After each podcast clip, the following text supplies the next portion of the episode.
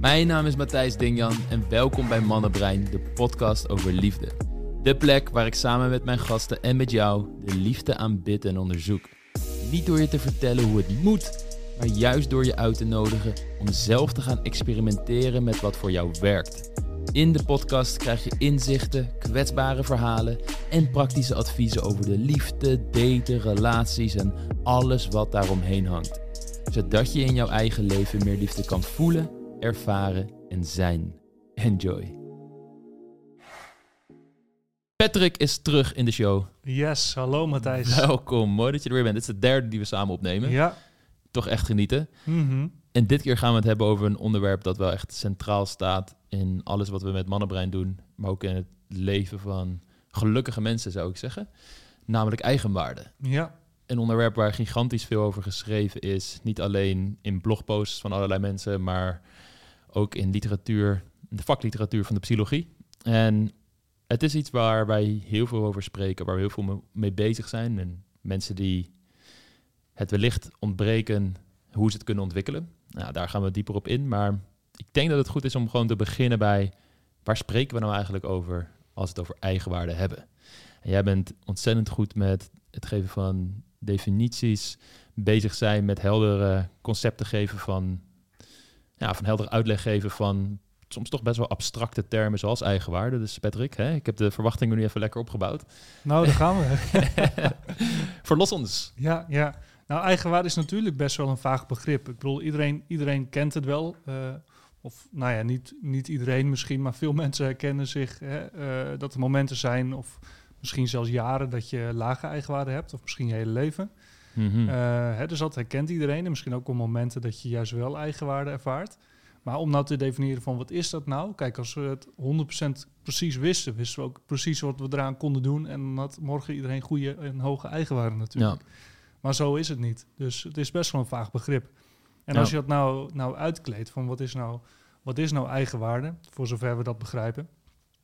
Ehm, kijk, het woord zegt eigenwaarde. Kortom, eh, je vindt dat je zelf waarde hebt op een of andere manier.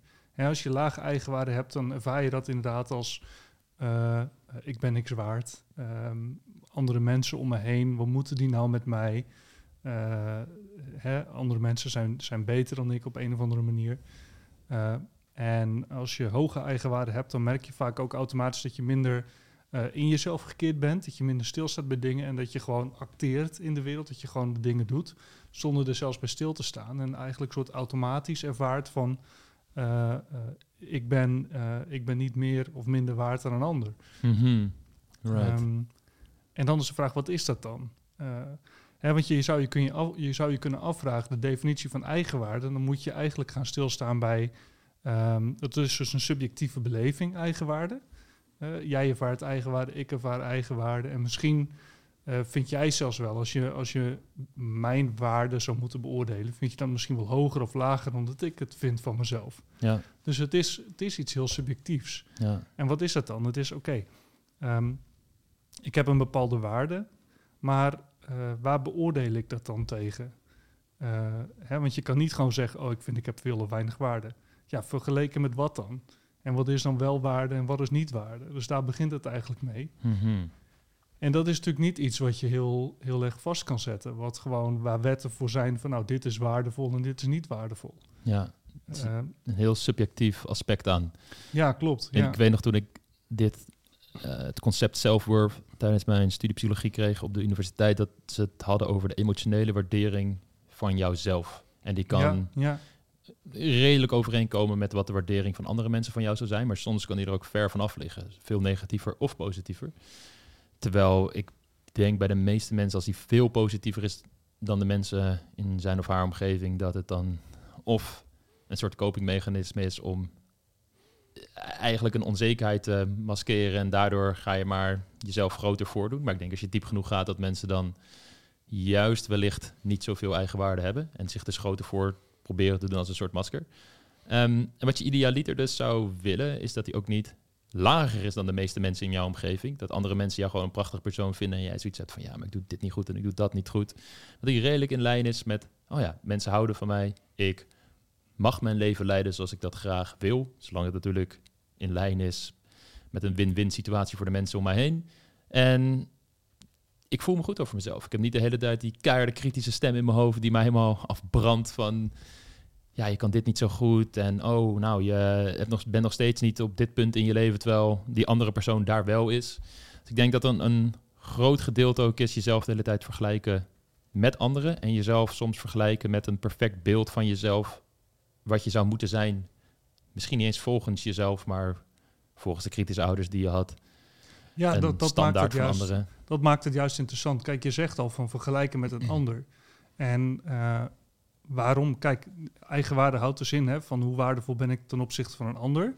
Ehm, maar vergelijken met een ander, dat betekent eigenlijk... eh, hè, en dan, dat, ga ik eigenlijk een klein beetje naar meer een oplossing richting. Daar komen we straks nog dieper op. Maar ehm, eh, als, je, als je subjectief zelf bepaalt van... Goh, wat vind ik nou belangrijk? Weet je, wanneer ben je nou een goed mens? Wanneer ben je een waardig mens? Dat is iets, als je daarover nadenkt, kan je daar natuurlijk an- een antwoord op verzinnen. Mhm. Eh, als je dat niet hebt, eh, als je daar niet een heel concreet beeld bij hebt, en laten we eerlijk zijn, eh, wie, heeft, wie heeft er nou een heel concreet beeld bij wat vindt hij echt een superwaardig mens? Hè, daar sta je niet heel vaak bij stil. Ja, dan kan je dus eigenlijk alleen maar je eigen waarde bepalen door, door jezelf te vergelijken met een ander. Door een soort van te kijken naar, hey, wat, wat doet een ander? Of hoe waardeert een ander mij? Hoe gaan mensen met me om? Hey, ze gaan slecht met me om. Nou, dan heb ik waarschijnlijk weinig eigenwaarde. Hmm. Ja. dus, eh, dus dan test je het niet aan de hand van een set criteria van wat is waarde, wat is niet waarde. Maar je test het aan de hand van hoe gaan andere mensen met me om. En dat is dan kennelijk een bewijs voor wat wel of geen waarde is. ja. En, eh, en daarnaast, wat je dan ook nog vaak doet, en dat zie je natuurlijk tegenwoordig met ehm, de gevaren van social media, is dat eh, ja, we staan niet stil bij die, bij die, bij die waarden. Dus dan kijk je naar, dan, maar je zit bijvoorbeeld wel op social media en dan zie je bijvoorbeeld allemaal, nou, ty- typisch van die, van die aantrekkelijke vrouwen die, die heel veel volgers hebben. Ehm, en eh, die doen dan kennelijk iets goed in de wereld, want ze hebben heel veel volgers en iedereen praat over ze en iedereen vindt ze tof. Hmm. Dus dan ga je eh, waarschijnlijk onbewust, want daar sta je niet heel bewust bij stil, denken van, oh, ehm, kennelijk moet je eh, er goed uitzien, eh, of misschien, misschien kennelijk moet je wel heel succesvol zijn online op social media. Eh, en dan ben je kennelijk iets goeds of iets van waarde. En dat is natuurlijk niet, niet heel realistisch. Het meest extreme voorbeeld wat ik hier ooit van heb gezien was een jongetje in Amerika die bij Dr. Phil te gast was. Nou, dan weet je al dat het sowieso trammeland is. En die... Nou, het is nog net geen Jerry Springer. Het dus- is, eh, ja, het is heel bizar af en toe wat daar gebeurt. Maar die, de uiterste van de samenleving komen daar wel terecht vaak. Maar die jongen, die wilde dus niet meer met zijn ouders spreken, omdat die niet genoeg volgers hadden op sociale media. En daardoor hadden ze in zijn ogen geen waarde. Heel bizar. Eh, geen idee wat zijn verhaal verder is. Ik neem aan dat er wel wat meer dingen zitten dan ehm, alleen sociale media, die natuurlijk bij hem een verkeerd beeld heeft gegeven van de intrinsieke waarde van mensen. Daar zit waarschijnlijk nog wel meer problematiek achter, om het zachtjes uit te drukken. Maar er zijn natuurlijk wel mensen, en ik merk het ook bij mezelf, die op een sneaky niveau, een bijna onbewust niveau, dat je toch meegaat in het momentum dat gecreëerd wordt door een maatschappij. Want je bent als een vis in die school vissen. ja. Die, dat je toch een bepaalde kant op gaat zwemmen, terwijl je wellicht al weet van ja, het is eigenlijk helemaal niet fijn dat ik ga letten op hoeveel likes mijn foto krijgt en hoeveel volgers ik heb en noem maar, maar op. Maar ik merkte dat dat bij mijzelf toch echt ook een rol ging spelen. En ik kan me voorstellen dat het bij meer mensen is. Dat weten we ook wel uit de literatuur, maar dat is, dat is wel de kern hiervan. Oké, waar laat je je volgens mij door leiden? Wat zijn dan de waardes die je kiest in het leven? Jouw eigen waardes. En wanneer je die zo goed mogelijk kan naleven, dan geeft dat automatisch al meer een gevoel van, oh, ik heb ook waarde, want ik, ik heb de dingen in mijn leven die ik fijn vind gedefinieerd, of zo goed of kwaad als dat gaat.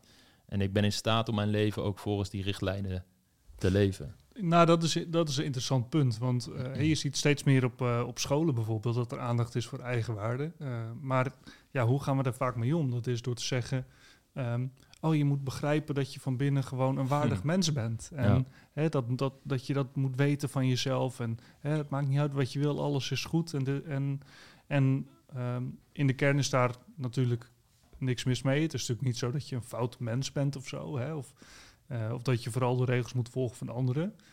Maar als je op die manier eigenwaarde creëert, dan, dan heb je een soort lege eigenwaarde. Uh, stel dat werkt, zo vertel je dat op school en je krijgt dat vanaf jongs af aan mee. Dan ga je dus helemaal ervaren van, uh, nou ongeacht wat ik doe, ik ben gewoon geweldig en ik ben goed en, uh, en niemand mag me van mijn wijs brengen. Mm -hmm. En nou, misschien klinkt dat leuk, maar ja, wat stimuleert je dan nog om, om, om jezelf te een beter mens te maken in het leven bijvoorbeeld? Of aan dingen te werken. Als je een soort lege eigenwaarde hebt, waardoor je ervaart dat je, het helemaal dat je helemaal de man bent of helemaal de vrouw bent, maar um, het is nergens op gestoeld. Mm -hmm. Dus dat, dat, uh, dat is een risico. En ja. daarom is het inderdaad, uh, denk ik, een goed idee om te denken van nou, um, ga er eens voor zitten en bedenk eens van wat, wat is nou echt, uh, hè, als ik een soort van perfect mens voor me zie. Um, die ik echt, waar ik echt tegenop zou kijken. Uh, wat, wat voor vaardigheden heeft hij, wat doet die persoon? En bedenk dan eens van, goh, zijn dat dan dingen uh, die ik inderdaad als, als belangrijke waarden zie? En als je dat um, zelf na kan leven, uh, dan, heb je, dan heb je iets wat je zelf bepaald hebt, waar dan je eigenwaarde volgens op gebaseerd is. Ja. En, um, en waar ik dan gelijk aan moet denken is, kijk, als je dan als je dan kijkt naar iemand op social media, denk je, ja, als ik een miljoen volgers heb, dan, dan heb ik waarde. Mm En dan, uh, waar je dan mee bezig bent, dan komen we bij uh, Stephen Covey, uh, moet ik gelijk aan denken. En die heeft gedefinieerd van je hebt qua belangen in je leven heb je twee cirkels. Jij zit in het midden en je hebt een kleine cirkel, dat is de cirkel van invloed. Dat ja. is eigenlijk alles waar je zelf invloed op hebt. En vaak een grotere cirkel, wat hij de, de circle of concern noemt. Dus eigenlijk ja. alles waar je bij betrokken bent wat jou iets doet, maar waar je geen invloed op hebt. Uh, ja. En dat is natuurlijk, uh, het is natuurlijk heel gevaarlijk als je zegt, um, ik ben pas waardevol als, als uh, iets gebeurt of ik iets voor elkaar krijg, maar ik heb er zelf geen invloed op. op. Zoals bijvoorbeeld het aantal volgers op Instagram. Ja. in zekere mate heb je een klein beetje invloed op. Maar het is niet iets waarvan je kan zeggen van nou, dat doe ik even en dan is het klaar. En Dus je wil eigenlijk zorgen dat die circle of concern, dat die zo klein mogelijk is uh, en, en dat die eigenlijk overlapt. En dat wat jij belangrijk vindt allemaal dingen zijn waar je ook 100% invloed op hebt. Mm -hmm. En als je, um, nou, wat jij, wat jij zelf vindt wat een goed mens is, als je, dat, als je kan zorgen dat dat eigenschappen zijn of acties zijn waar je ook 100% invloed op hebt, ja. dan, zou, dan kan je er morgen al naar handelen. Het is een, een hele interessante die je daar zegt, dat, dat wanneer je alleen maar eigenwaarde ontleent uit het feit dat elk mens waarde heeft en het zich niet doorvertaalt in het naleven van eigenschappen in je gedrag die jij zelf als waardevol bestempelt. Um, hoe ik dat zie is dat je dan eigenwaarde ervaart op één niveau, terwijl er simplistisch gezegd drie niveaus zijn. En ik geloof wel dat er een, dat het helpt in ieder geval. Bewijzen kun je het nooit, maar dat het helpt om het idee na te leven dat elk mens een intrinsieke waarde heeft, mm -hmm. puur omdat het een mens is of een levend wezen, als je het breder trekt, een bewustzijn heeft, waar het ook specifiek op wil, aan wil toetsen. En dat dat het niveau van zijn is. Oké, okay, puur als mens heb ik waarde. Ik denk dat het je ook kan helpen, namelijk om door moeilijke tijden heen te gaan, om de vaardigheden te ontwikkelen, zodat je je leven ook beter kan gaan maken. Om, die, om dat echt na te gaan jagen, omdat je jezelf op waarde schat, als het ware. Want als je natuurlijk, stel je hebt echt een rotjeugd gehad en mensen hebben jou nooit behandeld. En als iemand die waarde heeft en daardoor heb je zelf ook niet het gevoel dat je die waarde hebt, je misschien ook niet alle. Um, misschien heb je keuzes gemaakt in het leven waar je niet trots op bent. Dus je gedrag en alles wat je hebt, twee andere niveaus van waarde, dus namelijk het niveau van doen en het niveau van hebben, die zijn niet helemaal tot voltooiing gekomen zoals je dat wellicht gehoopt had dan kan het moeilijk zijn om de motivatie te vinden om daar een verandering in aan te brengen als je eh, op basis van dat niet genoeg waarde hebt. En ik denk dat het dan fijn is als je een soort derde niveau van waarde hebt van ja, oké, dat klopt. Ik heb misschien verkeerde keuzes gemaakt en er zijn misschien dingen gebeurd in mijn leven. Um, waardoor ik het idee kan hebben dat ik een soort damaged good ben of dat mensen mij niet mogen of mij mensen mij niet waarde schatten. Maar ik geloof er heilig in dat ik als mens intrinsieke waarde heb. En daardoor ga ik bijvoorbeeld in therapie om aan die stem te werken. En ik ga bepaalde vaardigheden ontwikkelen om toch wat van mijn leven te maken. En zoals jij dat net heel mooi zei, een soort archetype, een visie van een persoon van hoe ik graag zou willen zijn, gaan nastreven. En dat hoeft allemaal niet perfect te gaan. Maar in ieder geval dat ik in beweging kom en mezelf ertoe zet om verantwoordelijkheid te nemen over mijn leven. Ja, dat is dus grappig genoeg precies een van die eigenschappen waar ik van denk dat het je heel veel eigenwaarde kan geven omdat het je de controle als het ware een beetje teruggeeft over, jou, over jouw leven. Ja, je, je zou kunnen zeggen, dat schiet me nu te binnen, dat... ehm, kijk, eigenwaarde is natuurlijk niet een statisch iets van... oh, hij, hij heeft wel eigenwaarde en zij niet. Eh, het is niet iets concreets. Dus Ja. misschien zou je wel kunnen zeggen... Kijk, zo is sowieso wat we al zeiden. Eigenwaarde is natuurlijk een compleet subjectieve beleving. Ja. Maar het is wel fijn, iedereen weet van... we willen dat graag ervaren. En het is ook fijn als het ergens vandaan komt. Ja. Maar misschien zou je wel kunnen zeggen van eigenwaarde is, is altijd gebaseerd op wat je op dat moment doet, zeg maar. Dus niet zozeer op, ehm, oh, mijn hele geschiedenis, of niet zozeer op, oh, het is iets statisch en Ja. het is nu eenmaal wat het is. Maar het is de, de acties die ik nu besluit te doen, zeg maar, is wat mijn eigenwaarde geeft. Dus misschien is dat een fijnere manier om erover na te denken dan, eh, oh, mijn, mijn eh, geschiedenis maakt me tot de waarde die ik nu heb. Mhm. Nee, weet je, als je nu een andere keuze maakt ehm, eh, en, en wederom, hè, de- de- de- het is geen feitelijkheid waar eigenwaarde vandaan komt, het is gewoon een beleving. Ja. Maar stel je zou kunnen besluiten van, ehm hey, ik, ik, ik handel nu op een manier waar ik zelf trots op ben, dus vanaf nu ervaar ik ineens eigenwaarde. Dus niet ik heb eigenwaarde, want eh, weet je, in die zin bestaat Hmm. het niet. Het is puur de ervaring die je hebt. Ja. Dus ja, als je, als je zou kunnen vragen van wat kan je nu doen om ineens je eigenwaarde te veranderen, eh, of die beleving daarvan dus te veranderen, dan zou ik zeggen van nou, doe dan nu iets waar je zelf trots op bent. Hè, of, of, eh, of iets voor jezelf. Hè. De grap is natuurlijk ook wel eens, wordt wel eens gezegd van stop eens met alleen maar iets voor eh, hè, continu naar anderen kijken en eh, doe eens iets voor jezelf. Hè. Ja. Doe, eens, doe eens iets wat iemand zou doen die van zichzelf houdt. Ja. Dat kan natuurlijk ook werken. En volgens mij het gekke daarvan is dat dat eigenlijk indirect werkt. Van, oh, ik doe iets voor mezelf. Dus kennelijk ben, vind ik mezelf dan wat waard. Dus dan ervaar ik dat ineens ook zo. Hmm. En dat is natuurlijk prima ook. Want wederom, het is een subjectieve beleving. Ja. Alleen wel eentje die vaak niet van het een op het andere moment eh, zomaar even heen en weer gaat, zomaar te veranderen is. Maar ja, we zijn er juist om te kijken, om, om te onderzoeken en om mensen mee te geven van, goh, hoe kan je er nou naar kijken en wat kan je er wel aan doen? Dus Ja. En dit, dit is hartstikke mooi. En de grote vraag is van oké, hoe werkt dit op het moment dat er tegenslagen zijn in het leven die jouw eigen waarde echt flink ondermijnen, die je anders naar jezelf laten kijken.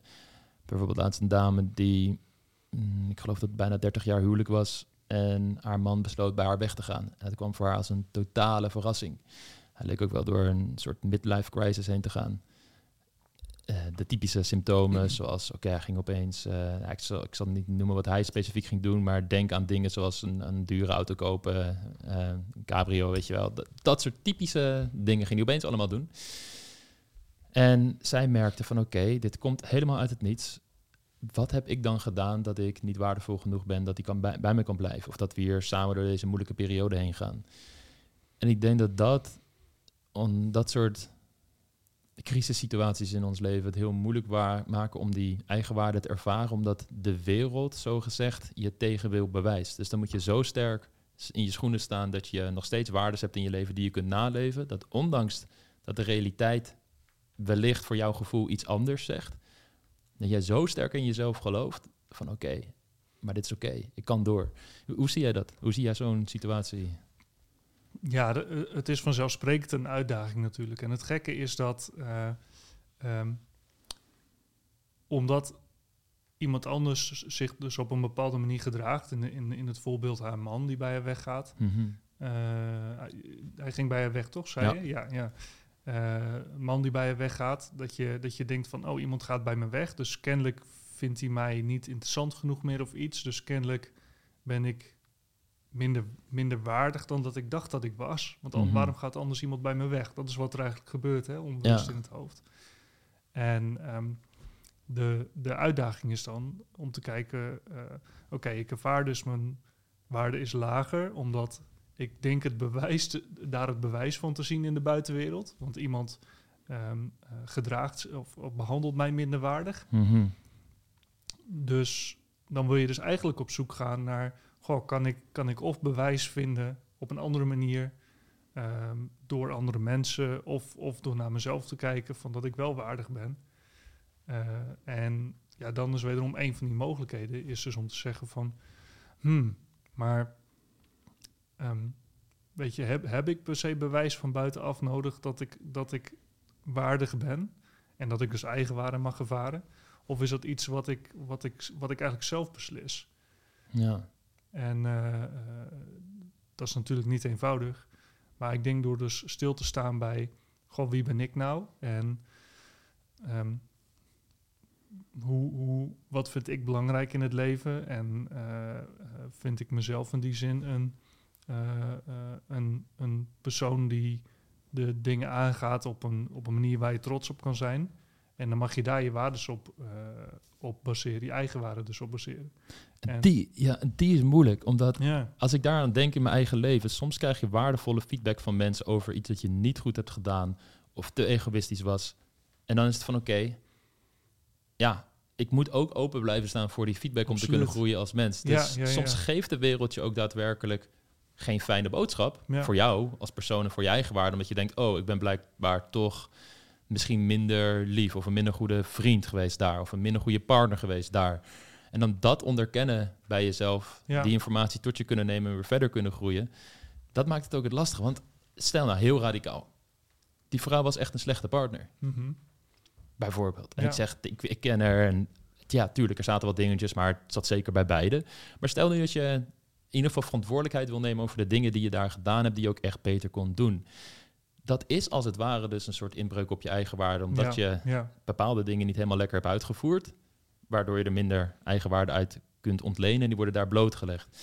Ja, dan is volgens mij de enige respons, ik ben benieuwd hoe jij dat ziet, je reactie kiezen op hoe je daar weer mee omgaat. En daar zit altijd nog je kracht van, oké, blijkbaar zijn er nog wat delen in mezelf die ik mag helen of waar ik mag groeien. En vanaf en ik neem deze hele situatie als informatie. Sommige delen mag ik naast me neerleggen, want het gaat niet over mij, maar over iets in de ander. En sommige dingen kan ik wel meenemen en mij, dat kan mij weer inspireren om verder te groeien. En daar zit je dan volgens mij weer in de cirkel van invloed van Stephen Covey. Van oké, mhm. jouw reactie op datgene wat er gebeurt, dat is altijd de kracht en de keuze die je nog kunt maken. Ja. Ja, ik, ik, denk dat je daar helemaal gelijk hebt. Uh, het is wederom... Ja, heel mooi. ja. zou het zijn als ik... Nee, nee uh, als, je iets, als je onzin lult, dan zou ik het ook zeggen. iets ja, zo ben je wel. Ja, ja, ja precies. Dan zou hier de podcast ineens afgelopen zijn. ja. ik, ik, denk, wederom, als je even verplaatst in een, in een ander... Hè, stel je kijkt naar een, een goede vriendin van je. Mhm. En die gedraagt zich op een bepaalde manier waarvan je zelf denkt van... nou, hè, bijvoorbeeld naar haar vriend of haar man toe... Mm. En je denkt van, nou, dus dat, dat is niet helemaal oké. Eh, maar ze wordt daarmee geconfronteerd en ze, en ze zegt van, oh jeetje, ik had het helemaal niet door dat, ik zo, dat dit zo verkeerd was wat ik deed. Uh, maar nu ik dit hoor, ben ik bereid om, uh, om mijn hart te maken om dat te veranderen in mezelf. Ja. Um, hè, wat vind je daar dan van als je daar naar kijkt? Waarschijnlijk denk je dan van, oh, sterk karakter. Weet je? En, en dan bewonder je dat in zekere zin weer in haar. Ja. Uh, en en um, hè, dat, is, dat, is, een mooie test bij jezelf. Om steeds te denken van, goh, stel ik kijk naar een goede vriendin die dit en dit doet. Hè, wat vind ik daar dan van? Ja. En vind ik dat dan waardig of niet? Dus, uh, dus, en dan kom je eigenlijk bij wat jij zegt. Dat als je dus inderdaad... je hoeft niet alles perfect te doen. Um, maar het is dan wederom van, als je het hebt over wat is een waardig persoon. Dat is volgens mij uh, dan iemand die, die dan denkt van, oh, ik zie dit bij mezelf en ik ben bereid om dat nu aan te passen. Ja, ja, ja. En dan, hè, dan is dat de waarde. Dus de waarde is niet van, ik moet per se alles perfect doen. Nee, alsjeblieft niet. Weet je. Mhm. Eh, maar, uh, hè, maar een waarde kan zijn. Uh, een waarde kan zijn dus, en ik denk dat dat bijvoorbeeld een voorbeeld is van een goede waarde, om altijd bij jezelf te denken van nou, ik hoef niet alles perfect te doen. Um, maar als ik erachter kom dat iets beter kan, Weet je, of, of hè, beter gezegd, dat iets wat ik doe echt niet door de beugel kan of echt verkeerd is, dat ik ook bereid ben om er moeite in te stoppen om dat beter te doen. Mm ja. dus in, in die zin uh, uh, denk ik dat het zinnig is als je, als je uh, een soort waardegedreven leven, waar, we het, waar we het eerder vaker wel eens over hebben, mm um, dat je een soort van stilstaat bij, god, welke waarden vind ik nou belangrijk? En die wil je dan kiezen op een manier dat ze altijd in je invloed liggen. Uh, en uh, dat hoeft natuurlijk niet. Het hoeft natuurlijk niet dat je een soort van honderd waardes verzint en alles wat je doet daar precies in past. Uh, maar wel dat je daar continu terug naar kan reflecteren om te bedenken van, ja, ik vind dat ik wel goed bezig ben nu en dat ik, dat ik een bewonderingswaardig persoon ben in die zin. Ja. Als we dan naar het daten en relaties trekken, waarom is die eigenwaarde zo belangrijk? Ja, het, het is natuurlijk je wil iemand, uh, je wil iemand daten en iemand van die soort vergelijkbaar in waarde is als jij natuurlijk. Mm -hmm. um, uh, of la laat ik het zo zeggen, dat is een soort ideale eindsituatie. Hè, dat je iemand hebt die goed bij je past. Um, op het moment dat je natuurlijk zelf hele lage eigenwaarde ervaart, uh, dan is bijna elke man die je tegenkomt, kijk je tegenop.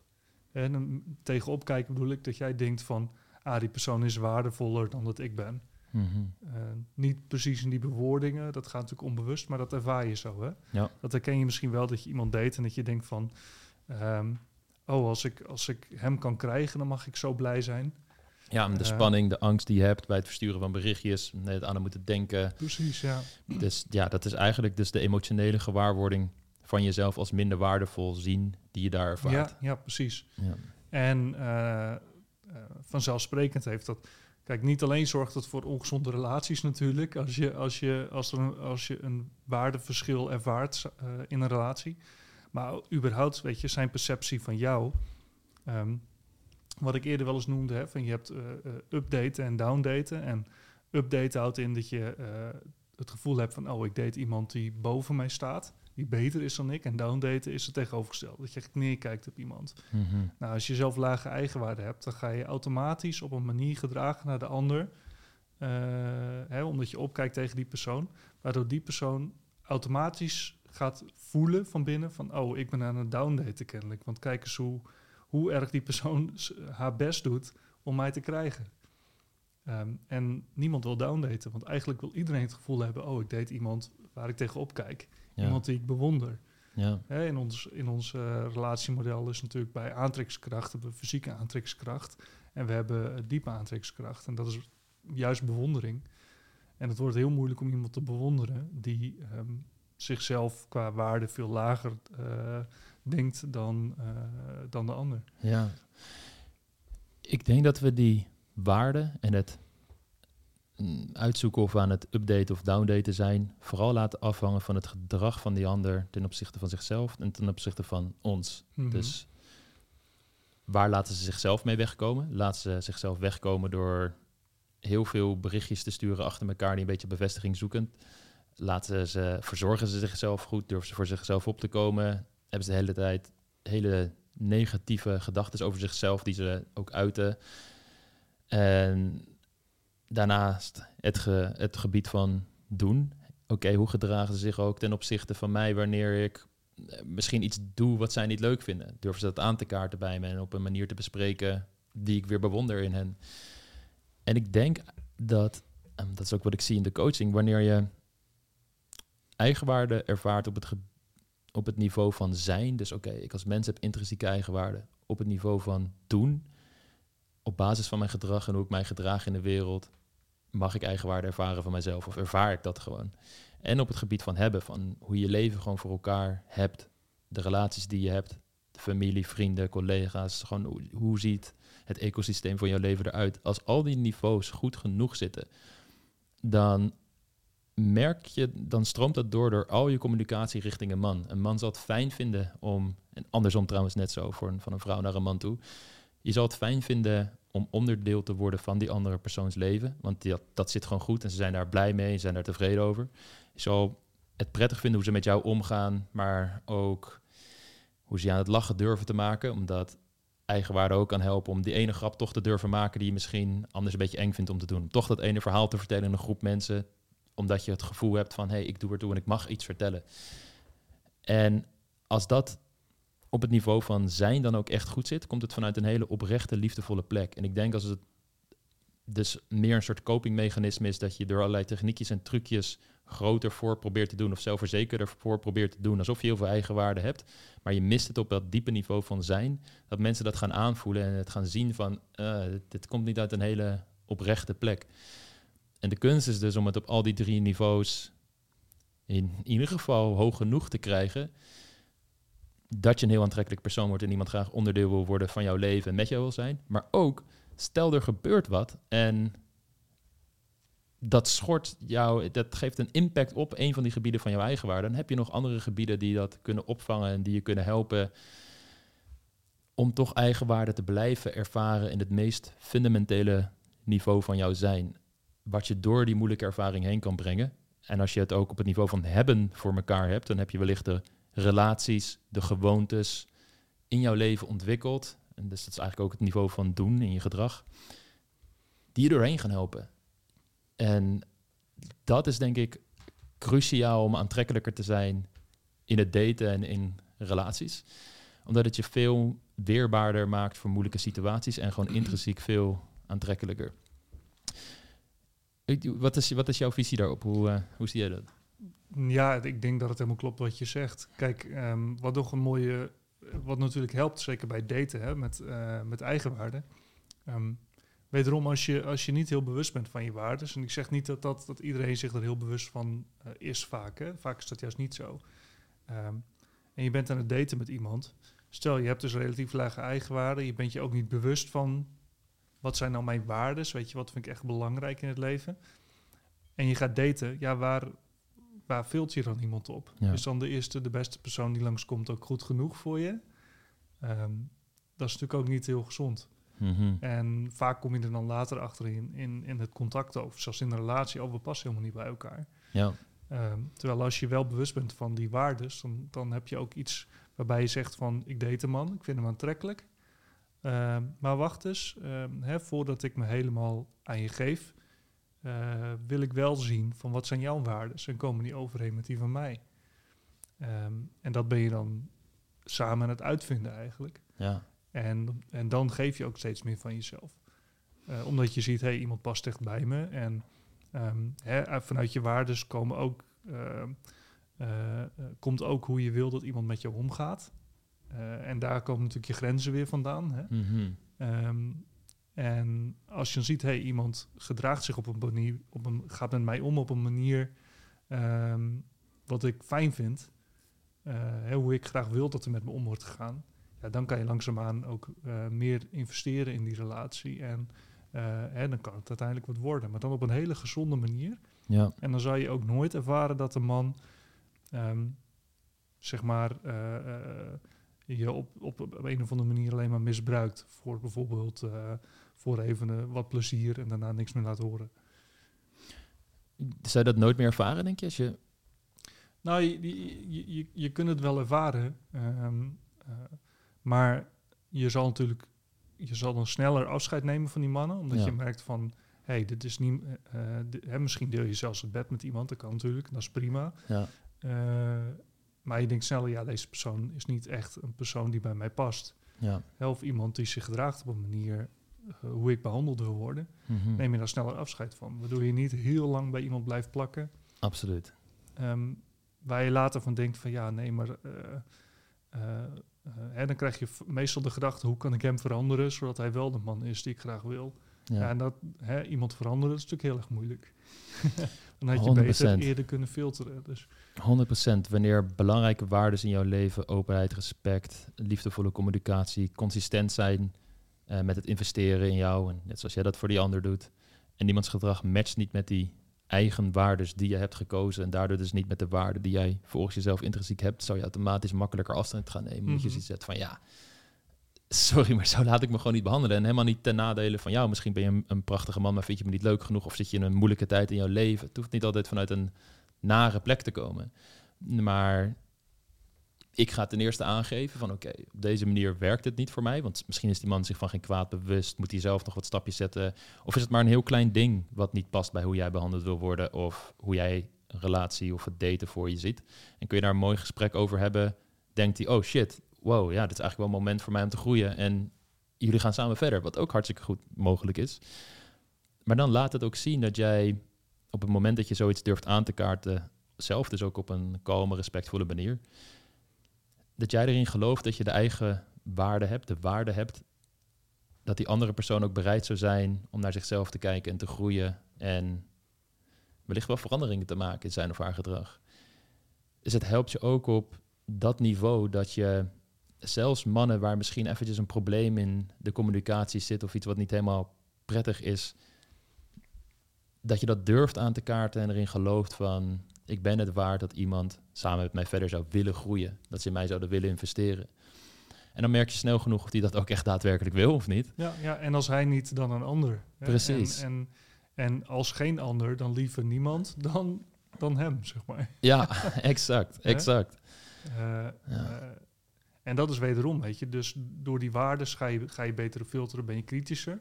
Maar je ervaart ook automatisch meer eigenwaarde, dat je weet, hey, dit zijn mijn waarden en daar sta ik voor. Mhm. Ja. Ik, ik heb jou wel eens ook horen zeggen dat een van de facetten die een, een vrouw heel waardevol maakt in de ogen van een man, is dat ze dus die waardes voor zichzelf bepaald heeft en, die, en geen compromis gaat sluiten als het ware op de belangrijke waardes die ze heeft. Puur en alleen omdat ze een man aantrekkelijk vindt of leuk Mhm. vindt of wellicht zelfs al verliefde gevoelens voor hem ontwikkelt. Kan je uitleggen waarom dat zo belangrijk is en waarom dat zo aantrekkelijk is voor een man? Ja, ehm, hey, als je kijkt van wat maakt nou iemand echt aantrekkelijk, en dan bedoelen we niet fysiek aantrekkelijk. Hè, we hebben wederom in onze relatiepyramide hebben we eh, onder andere het, het ingrediënt van aantrekkingskracht. Ja.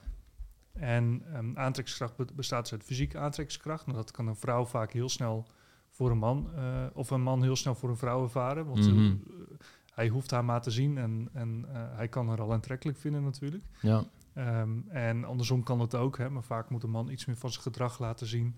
Dat een vrouw echt denkt van, oh, ik voel me echt fysiek tot hem aangetrokken. Hm. Maar je hebt ook diepe aantrekkingskracht.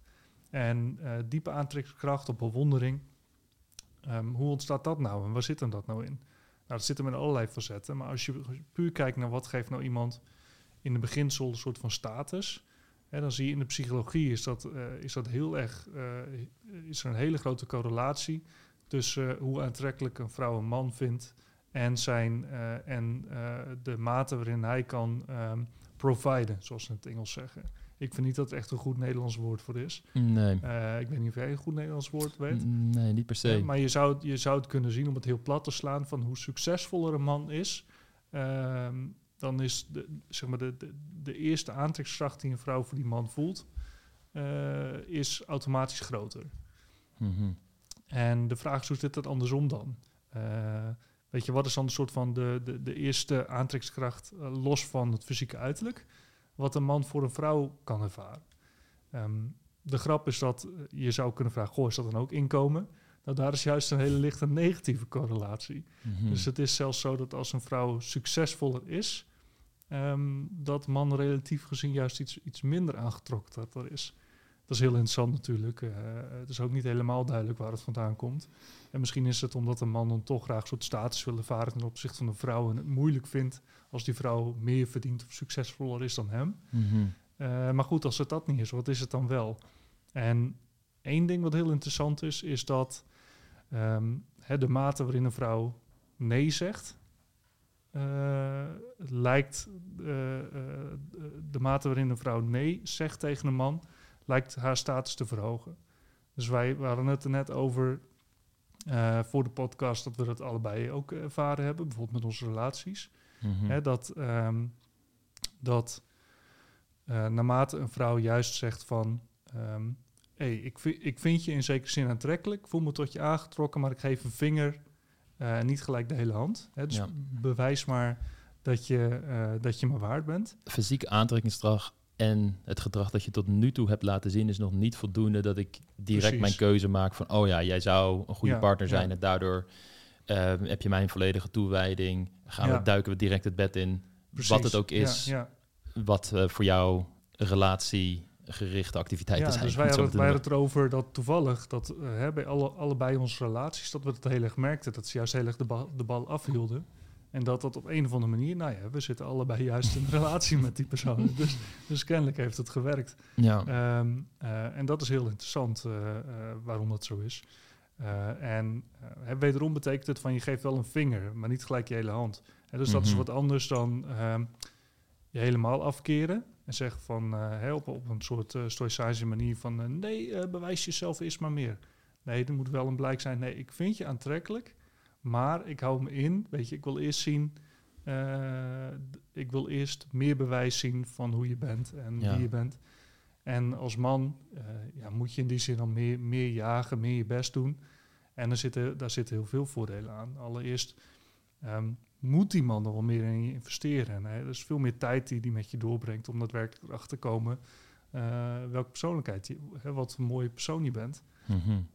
Ehm, eh, eh, maar daarnaast natuurlijk ook, hè, als je inderdaad gelijk, gelijk voor hem valt en gelijk bent van nou hier ben ik en je hebt me volledig, ehm, dan is er niet een impliciete gedachte bij de man van hé, hey, kennelijk, kennelijk heeft deze vrouw iets eh, wat haar echt bewonderingswaardig maakt. Want anders dan zouden er veel meer mannen in de, in de rij staan.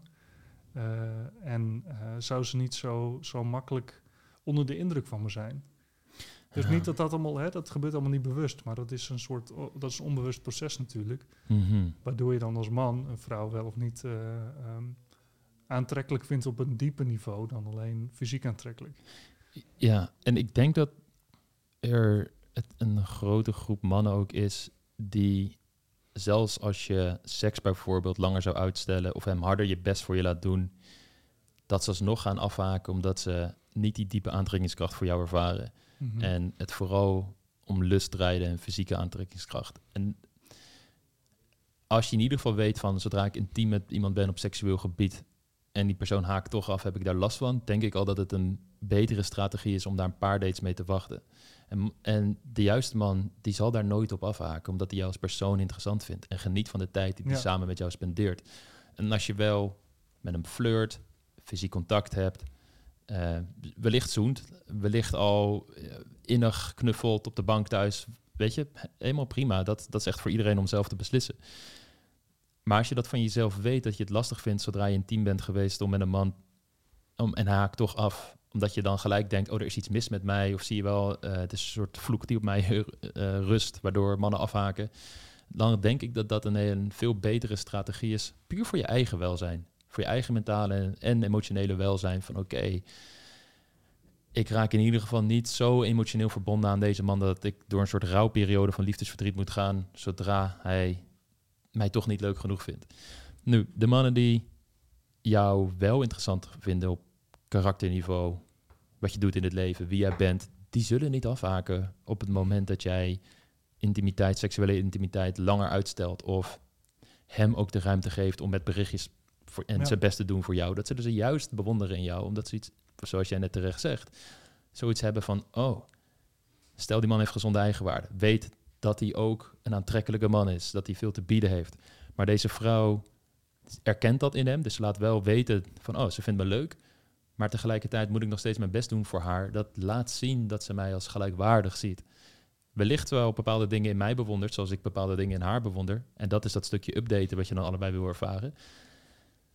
Maar ik wil dat ervaren, want het feit dat ik moeite voor haar doe, voelt goed. Voelt dat ik de beste versie van mijzelf moet zijn in dat contact om met haar te kunnen zijn. En dat zorgt ervoor dat ik net wat scherper ben. Dat ik echt de leukste versie van mijzelf ook ben, wat voor mijzelf ook gewoon goed voelt.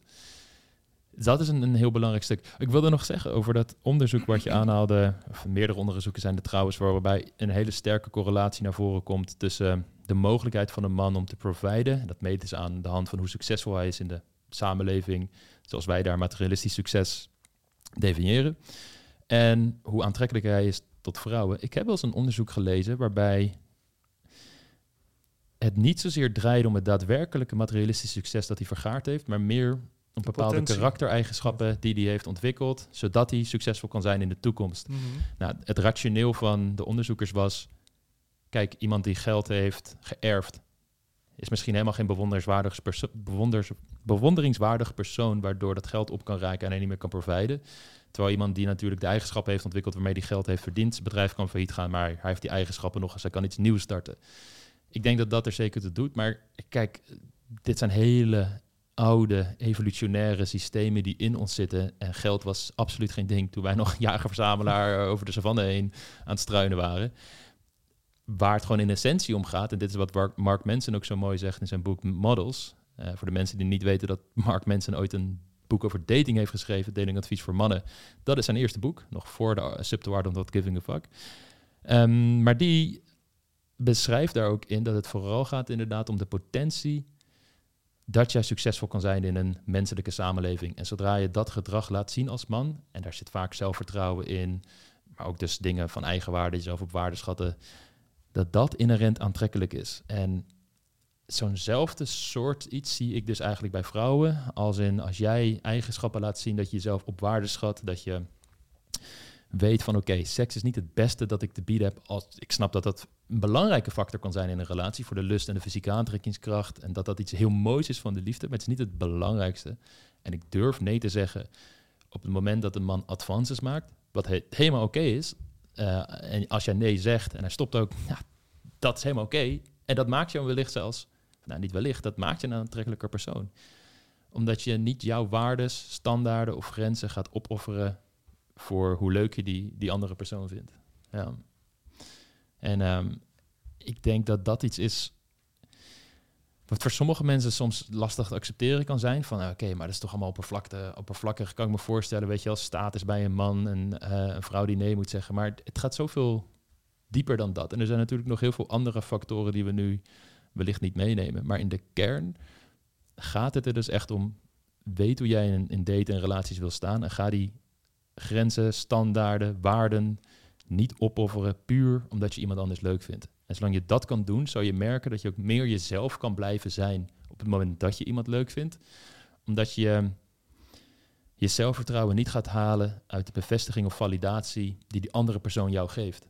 Want dit is natuurlijk iets wat ik vaak hoor bij mensen. Van ja, de, de, mensen die ik niet zo leuk vind, daar ben ik de leukste zelf. Maak ik grapjes, vertel ik verhalen. Dan moet je me zien. Maar zodra ik iemand leuk vind, dan verander ik in een zenuwachtig, twijfelende versie van mezelf. En daar ken ik mezelf eigenlijk niet terug. Een groot deel daarvan zit hem ook echt in heel erg gefocust zijn op het resultaat. Namelijk dat die andere persoon jou leuk gaat vinden. En als je dat los kan laten door meer te focussen op datgene waar je directe controle op hebt, de invloed van Stephen Covey, zou je merken dat je daar ook losser wordt en meer van je aantrekkelijke zelf durft te laten zien, omdat je minder bezig bent met die bevestiging en die validatie. En dat is iets wat je moet trainen. Gewoon doorlopen en jezelf aan herinneren en dat ervaren. En dan zul je merken dat deze vaardigheden en waardigheid gaat, uh, gaat groeien. Ja, ja. Ik, uh, ik ben nog wel benieuwd voor, voor mensen die wellicht hiermee worstelen met het ontwikkelen van eigenwaarde. Dit soort, die, die, die dit horen en denken van ja, theoretisch kan ik het wel volgen, maar wat kan ik dan praktisch concreet doen om dit echt bij mezelf te gaan ontwikkelen? Wat zou jij meegeven?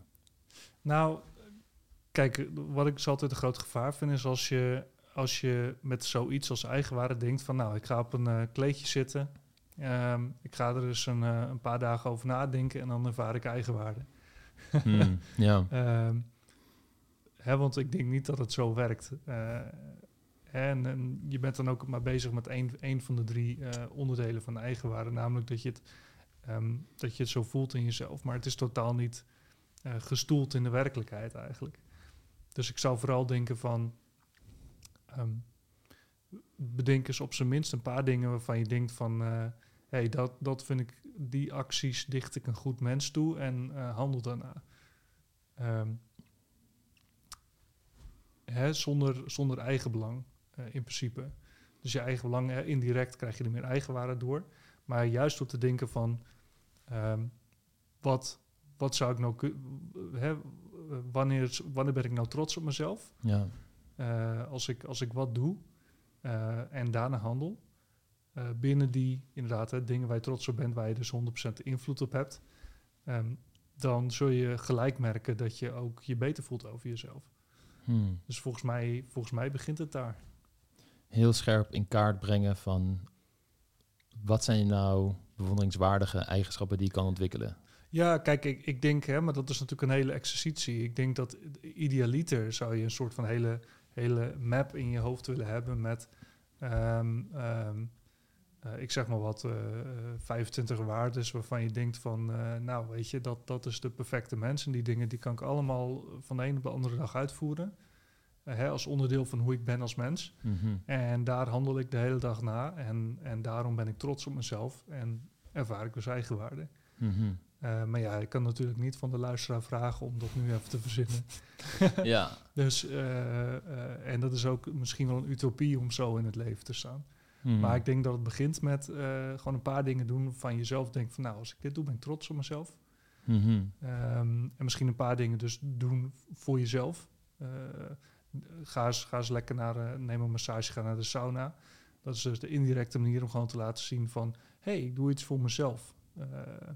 Hè, dus, uh, en uh, ja, iemand die, uh, hè, als ik nul waarde heb, dan zou ik dat niet waard zijn, maar ik doe het wel.